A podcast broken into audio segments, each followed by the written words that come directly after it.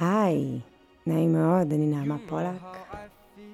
אני מייסדת השיטה הרזה בראש. זו שיטה לירידה במשקל באמצעות אבחון ושינוי דפוס החשיבה שמניע לאכילה רגשית. אני החלטתי את הידע ואת התוכן לשדר גם באמצעות פודקאסט. מה שאני אציע כאן זה בעצם תכנים נוספים, עמוקים יותר, כדי לאפשר צורת חשיבה אחרת בכל מה שנוגע לנושא האכילה, כדי לתרגל כלים לשינוי הרגלים, ובעיקר, בעיקר, בעיקר, לנהל איזשהו שיח פתוח על, על המערכת יחסים הארוכה ביותר שאנחנו מנהלים בחיינו. מהרגע שנולדנו ועד היום שבו נלך, אנחנו מנהלים עם האוכל מערכת יחסים. המערכת יחסים הזאת משפיעה על הגוף שלנו, על מערכת יחסים שלנו עם הגוף שלנו, על איך שאנחנו תופסים את עצמנו ואת העולם, וזה גם משפיע על תחומים נוספים בחיינו. באופן אישי, אני גדלתי כילדה שמנמנה, וכנער, ובחורה שמנה, ואחרי עשרים שנה שחוויתי אין ספור ניסיונות כושלים לירידה במשקל, אני יכולה להגיד היום שמה שקובע בסופו של דבר זה הראש. זאת אומרת שהאופן שבו אנחנו חושבים, במקרה הזה האופן שבו אנחנו חושבים על האוכל ועל עצמנו, ואיך שאנחנו חווים את האוכל, רק זה קובע בסופו של דבר מה נעשה, איך נתנהג עם האוכל, מה נעשה, מה נכין, מה נבחר, איך בעצם יראו הפעולות שלנו ביום-יום. אנחנו חיים בעולם היום שמדבר בשפה של דיאטות. וכתוצאה מזה, השיטות לירידה במשקל מתמקדות רק בנושא האוכל. זה שיטות שמדברות במונחים של אסור, מותר, הכל או כלום. ואיך שאני חוויתי את זה, ואיך שאני רואה גם שאחרות חוות את זה היום, זה, זה כמו איזה מין פרק זמן שצריך להתכנס אליו, שידוע מראש שאנחנו הולכים לסבול בו, אה, להימנע, לרעוב, אה, להכין קופסאות, לתכנן קדימה, אה, ואסור את החלה של שבת, ואסור את השוקולד שאני אוהבת, ואסור לגנוב במבה מהחטיפים של הילדים. זה מין איזושהי תקופה כזאת ש, שאת אומרת, טוב, נו, יאללה, אני, אני אחזיק, יחזיק, יחזיק, יחזיק, יחזיק, יהיה בסדר, יהיה בסדר, בסדר, ו... לא מחזיק, כי זה ספרינט. ו... והוא לא נותן תוצאות. הוא לא נותן תוצאות ארוכות טווח. ספרינט מטבעו הוא קצר, הוא נותן תוצאות לטווח קצר, וככזה צריך להסתכל עליו גם ככזה. עכשיו, אוכל יש כל החיים, כל היום, כל הזמן. ומשקל זה משהו שנמצא איתנו כל הזמן, הגוף שלנו נמצא איתנו כל הזמן, וזה בעצם, אם חושבים על זה, לא הגיוני לנהל איזושהי מערכה בכלל, שמדברת במונחים של ספרינט בעולם הזה. ולכן אני אומרת שהתעשייה של, של הדיאטות, ובכלל השפה של הדיאטות, מובילה את הצרכנים לכישלון שהוא ידוע וקבוע מראש. בסופו של דבר זו תעשייה שמייצרת כסף והיא בנויה על לקוחות חוזרים. אז כל השיטות של, של דיאטה, כל השיטות שמדברות ומתייחסות רק לאוכל, מה תאכלי, מה לא תאכלי, כמה תאכלי, כן תעשי, אל תעשי, זה בעצם תעשייה שמפספסת או בכוונה מפספסת אולי אפילו, את הגורם המרכזי שמניע אותנו לאכילה. ולכן זה לעולם, לעולם, לעולם לא ייתן את הפתרון האמיתי שייתן תוצאות לאורך זמן. כי בתכלס, מה לאכול, מה לא לאכול, כמה לאכול, כולם יודעים. זה ידע שמצוי היום. זה ידע שמצוי בלחיצת כפתור אחת. אי אפשר להגיד שזה איזה מין תורה מסיני או, או משהו שאנחנו לא יודעים עליו. נכון, יש אה, מקצועות שקשורים לזה, יש תזונאיות ויש אה, דיאטניות ו, וכבודן במקומם מונח כמובן כשזה נוגע ל... אה, לסכרת, לצרכים רפואיים, לאיזשהו ידע ש, שצריך אותו, אוקיי? בשביל לפתור כל מיני בעיות עם פחמימות, חלבונים, ליצור איזשהו מארג אה, שהוא custom made, אבל בגדול, בגדול, בגדול, רוב הנשים, או רוב הפעמים שת, שתפגשו אה, דיאטנית או, או תזונאית, אז, אז היא תרשום איזשהו תפריט, ו- וככה לחם, וככה זה, וככה גבינה, וככה קוטג' וככה ירקות. זה לא, זה לא עוזר. זה שרשמת לי אה, לאכול בארוחת ערב אה, ירקות וביצה ו, ולחם קל, זה לא עוזר לי אם נשארתי אחרי איזה רעבה ואני מטיילת במדבר כמו איזה אריה בכלוב שלו. וזה בטח לא עוזר שכתבת מה אני צריכה לאכול, כשבלילה אני תוקעת את כל המגירה של החטיפים. אז בתכלס, באמת, באמת, באמת, צריך להבין שיש פה מניע, מניע לא מודע ברוב הפעמים שהוא זה שמניע אותנו לאכילה, יש פה איזשהו גורם שמניע, ורק הידע של מה אסור, מה מותר, מה כדאי, מה לא כדאי, הוא, הוא איזשהו קצה שלא נותן בעצם שום דבר, חוץ מאיזושהי תחפושת. היום, מה שאני עושה, גם בשיטה שלי שאני מלווה ברזה בראש, גם בתוכן שאני כותבת בקהילה, או בכלל, בכל מה שאני מדברת עליו, אני, אני רוצה להעביר את המסר הזה ואת הידע הזה שיש מתחת לפעולה שלכם, מתחת לזה שהלכתם ואכלתם או אכלתם ללא שליטה או לא משנה או בחרתם משהו כזה או אחר, מתחת לפעולה מתקיים מארג שלם של אמונות, של מחשבות לא מודעות, של זיכרונות, של מסורת, של, של באמת, של המון המון המון דברים שכולם ביחד מייצרים איזשהו מאזן של רווח והפסד בכל פעולה. ואת המארג הזה צריך להבין. מתי צריך להבין אותו? כשאנחנו רוצים משהו ולא מצליחים. זאת אומרת שאם מישהי רוצה לרדת במשקל, רוצה, רוצה, רוצה, והיא יודעת פחות או יותר מה היא צריכה לעשות, אולי היא צריכה קצת לצמצם את זה וקצת לצמצם את זה, זה בסדר, אבל היא לא מצליחה לעשות את זה. או שהיא מצליחה לטווח קצר ואז ונשברת. יש פה מארג שצריך להבין. אוכל הוא לא העניין, האוכל הוא רק האמצעי. נכון, הגוף שלנו דורש מענה פיזי, הוא דורש אבני, אבני בניין, אבל האוכל הוא, הוא אמצעי לסיפוק מסוים של צרכים של הגוף מעבר לקלוריות ואנרגיה. האוכל מתלבש על הרבה הרבה צרכים רגשיים שאנחנו רוצים. ולכן אם חושבים על זה שמדברים בכלל על, על אלמנט של אכילה רגשית, אז יש כאן רצונות אה, רגשיים שרוצים לבוא לידי מימוש, שרוצים לבוא לידי סיפוק, והאוכל הוא רק האמצעי. אבל הוא אמצעי שלא באמת יכול לממש את אותו רצון.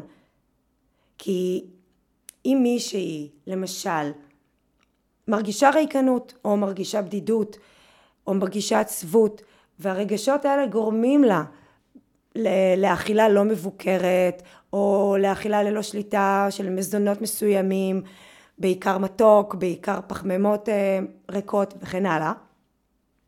אז אנחנו לא מבטלים בעצם את הצורך שלה בלמלא את הריקנות, או את הצורך שלה באיזושהי אינטראקציה ש, שתמלא את התחושה של הבדידות. אנחנו רוצים למצוא אמצעי אחר שיחליף את זה. אנחנו כן רוצים לממש את, ה, את הצורך, אנחנו כן רוצים לספק את הגוף, את המוח ואת כל מה שהוא צריך, אבל באמצעי אחר, כמו למשל אמ, שיחה עם חברה, כמו למשל אה, פעילות כזאת או אחרת, אה, אה, חוג כזה או אחר, קבוצה, קבוצות עניין, לימודים, לא משנה מה. אני אתן דוגמה נוספת שהיא דוגמה מאוד נפוצה, והיא תשומת לב. יש הרבה פעמים מקרים שבהם האוכל בא לשמש אמצעי לקבלת תשומת לב. אם ילד גדל בבית ואימא שלו רדפה אחריו עם המזלג, בבקשה תאכל, בבקשה תאכל, בבקשה תאכל.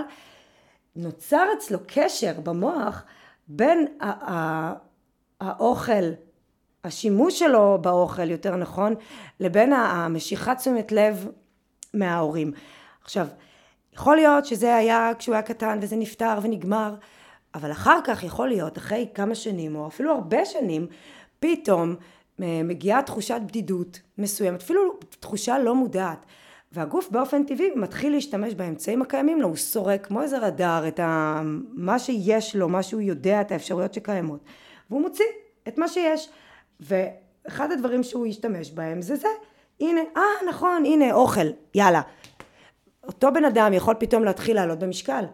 הוא יכול אה, להרגיש רעב בלתי פוסק, או להתחיל למצוא את עצמו אה, משתוקק לאיזה מין מזונות מסוימים או, או משתמש באוכל בצורות כאלה ואחרות כדי לייצר תשומת לב הוא בכלל לא מבין למה למה הוא עולה במשקל או למה הוא לא מצליח לרדת ו... כי, כי הצורך פה הוא בכלל צורך של תשומת לב. וזה מה שצריך להבין. אנחנו הרי לא ניקח את התשומת לב אנחנו פשוט רוצים להחליף את האמצעי. אם זה ב... קודם כל הבנה של בכלל מה קורה, מה הוא בכלל צריך להשיג, ואז נראה איך אפשר להשיג את אותה תשומת לב. אם זה באולי אה, שיחה עם, עם בן הזוג, בת הזוג וכן הלאה, אם זה בכלל איש מקצוע כזה או אחר, אולי משהו אחר שצריך להשתנות, אבל הצורך בתשומת לב זה צורך שצריך לספק ולממש. ולכן האוכל במקרה הזה הוא אמצעי שיוחלף באמצעי אחר ואז הגוף פשוט לא יצטרך אותו, את האוכל כאמצעי. במקרה האישי שלי, אני, אני ירדתי 40 קילו. והדרך שלי לשלום עם עצמי, למנוע את המאבק בלתי פוסק שהייתי בו, בעצם עברה דרך ההבנה הזאתי שיש מאזן, מאזן כוחות ביני לבין הגוף שלי, בין המודע לתת מודע והמאזן הזה מקיים מערכת יחסים של ממש והמערכת יחסים הזו דורשת הבנה והשקעה ואהבה והקשבה לצרכים של הגוף. צרכים רגשיים וצרכים פיזיים ולא, ובכלל כל מה שהוא צריך כי הגוף מדבר. וכמו שיש לנו מערכת יחסים עם בן הזוג או בת הזוג ואנחנו קשובים לרצונות שלהם, נכון, לא תמיד יש לנו כוח ולא תמיד בא לנו, אבל אנחנו מבינים שהצד השני צריך משהו, הוא צריך והוא גם נותן בתמורה. וכמו שאנחנו כל כך קשובים לילדים שלנו ואנחנו מבינים מה הם צריכים ואנחנו כמובן שלא נשלח אותם רעבים בבוקר וכמובן שלא נשאיר אותם רעבים בלילה ו... אותו דבר, יש פה מערכת יחסים, יש פה משהו שצריך להתקיים כמאזן ולא בענישה ובשנאה וב... בהלקאה עצמית, כי, כי ככה, לא, ככה לא משיגים תוצאות טובות לזמן, לזמן ארוך. הבחירה, הבחירה החופשית שלנו, בחיים שלנו, באיכות החיים שלנו, היא בעצם תוצאה של הכרה של העולם הפנימי שלנו, של כל מה שמתרחש בתת המודע שלנו. כי מה שמתרחש בתת המודע קובע את הפעולות שנעשה ביום יום. גם כשאנחנו קמים בבוקר עייפים, אה, אנחנו צריכים לקום לעבודה, מתחיל להתקיים איזשהו מאזן רווח והפסד אם להישאר במיטה או לא להישאר במיטה. אה, או שפתאום הילד בוכה בלילה ופותחים אה, איזה חצי עין ואז יש איזה מין, צריך לקבל החלטה אני קם או לא קם. מתקיים כל הזמן בשברירי שניות מאזן של רווח והפסד. זה נכון לגבי כל פעולה שנעשה. אז אם אנחנו רוצים שהמאזן הזה יהיה בקורלציה חיובית עם המטרות האמיתיות שלנו, עם הגוף שאנחנו רוצים שיהיה לנו, עם המשקל שאנחנו רוצים שיהיה לנו, אנחנו צריכים להבין מה הסעיפים שנמצאים שם. כי לכל אחד מאיתנו יש סעיפים אחרים, ולכל אחד מאיתנו יש דברים אחרים שחשובים בחיים, ויש סדר עדיפויות שונה לחלוטין. זה ממש טביעת אצבע אישית. אז כל שיטה אה, לשינוי וירידה במשקל שמדברת במונחים כלליים או, או שמדברת באיזשהן המלצות גורפות היא, היא ממש מנותקת מהמציאות. איך אפשר להגיד לכל כך הרבה אנשים בדיוק את אותו דבר. איך משהו אחד יכול להתאים לכל כך הרבה אנשים שהם נמצאים במשקל אחר, בסגנון חיים אחר, בשגרה אחרת, ועם ילדים ובלי ילדים, ועבודה כזאת ועבודה כזאת, זה לא הגיוני. פשוט לא הגיוני. אני מסתכלת אחורה על כל השנים שצרכתי את הידע הזה ואת השיטות האלה והלכתי כמו עיוורת אחרי ההבטחה הזאת וההבטחה הזאת ואני מסתכלת היום ואני אומרת בואנה זה, זה איך, איך עשיתי, איך, למה, למה, איך לא קלטתי שזה לא הגיוני? אבל כנראה שהייתי צריכה לעשות את הדרך הזאת כדי להתפכח והכאב שאני סחבתי במשך כל כך הרבה שנים, זה משהו שאני רואה אותו אצל אחרות. אני מזהה אותו במילים שלהם, אני מזהה אותו ב... בהבעות פנים שלהם, אני מזהה את הכאב הזה אפילו ב... ב... בהפסקה בין המילים או בנשימות בין המשפטים. וה... הבאסה, נקרא לזה ככה, היא שאני רואה את הכאב הזה אצל יותר מדי אנשים. זה בכל מקום. זה כל אחת כמעט. וזה מיותר לחלוטין, כי, כי זה פתיר. ואפשר גם אחרת. כשאנחנו מכוותים רק לעולם הדיאטות, עולם של אסור ומותר ומה כן ומה לא, ועולם שמתעסק רק באוכל, ומייצר את התוצאות רק סביב האלמנט של האוכל, זה עולם של סבל. זה או שתהיי רזה ותסבלי, או שתהיי שמנה ותסבלי. ככה או ככה תסבלי, ככה או ככה תפסידי. אבל יש אפשרות אחרת. יש אפשרות להכיר את העולם הפנימי שלנו. יש אפשרות להכיר את הסעיפים שבונים את מאזן הרווח וההפסד האישי של כל אחד מאיתנו. אנחנו צריכים להבין את הצרכים שהגוף רוצה לממש, את הסיפוקים שהגוף רוצה לממש, להיות קשובים יותר למה הוא רוצה להשיג. נכון, הוא משתמש באוכל כאמצעי, אבל אפשר להרגיל אותו וללמד אותו אמצעים אחרים. אז אה, מתוך הרצון שלי להעביר את זה הלאה ולעזור לאחרות, לאחרים, ליצור שינוי אמיתי באיכות חיים שאנחנו חיים, ובאמת למנוע את מפח הנפש הנוראי שאני זוכרת במשך כל כך הרבה שנים, אני בניתי את השיטה של רזה בראש, שזאת האסטרטגיה שלי, שאני חיה אותה היום. אסטרטגיה שלי לשלום עם הגוף, לשלום עם האוכל, לחיים במש... במשקל גוף שאני רוצה, שבא לי לחיות איתו, ואצל כל אחד זה יהיה אחרת. הבחירה של כל אלו מייצרת איכות חיים אחרת לחלוטין ממה שבכלל דמיינתי שאפשר. אני לא דמיינתי שאני יכולה להיות רזה ולאכול עוגיות וצ'יפס וגלידה וכן הלאה וכן הלאה. זה היה אצלי בראש, אם אני רוצה להיות רזה במשקל כזה וכזה, אז אני, חי... אני חייבת להפסיק ככה וככה, ולעולם אני לא יכול גם ליהנות מזה, או שלעולם ועד, כל פעם שאני אהנה מזה, אני גם אכה אה, את עצמי. יעליב את עצמי וישפיל את עצמי ויגיד לעצמי את הדברים הכי נוראים שאני יכולה להגיד. אבל לא ככה. ממש לא. אז הפודקאסט הזה מיועד לכל מי שמאס בעולמות הדיאטה המקובלים ורוצה לעשות שינוי במקום האמיתי שזה מתחיל. זה מתחיל בראש. ואתם יודעים, זה מתחיל ונגמר בראש. זה מעגלי. המחשבה מייצרת רגש והרגש מייצר פעולה והפעולה מייצרת מחשבה שמייצרת רגש שמייצר פעולה וכן הלאה וכן הלאה וכן הלאה. אז המחשבות הם הדבר שצריך להכיר, המחשבות הם הדבר שעליו צריך לעבוד.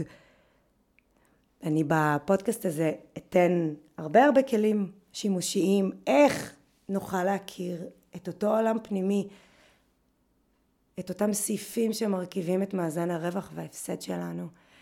ואני מזמינה את מי ששומעת אותי לקהילה של רזה בראש, סליחה עמכם הבחורים, זו קהילה לנשים בלבד. ובקהילה הזאת יש הרבה תכנים, הרבה פוסטים שכתבתי בדם, יזע ודמעות, כדי להעביר את הידע ואת מה לעשות, איך לעשות, מה כדאי, על מה לשים לב, על מה להתבונן, כדי ליצור את השינוי המיטבי בחיינו. אז תודה רבה לכם שהקשבתם, ותודה רבה לכם שאתם כאן. אני מצטערת על הקול הצרוד שלי, אבל אין מושלם בחיים. אז נתראה בפרק הבא.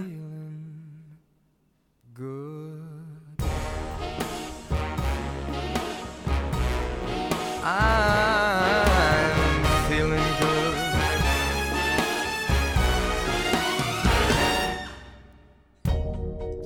Fish in the sea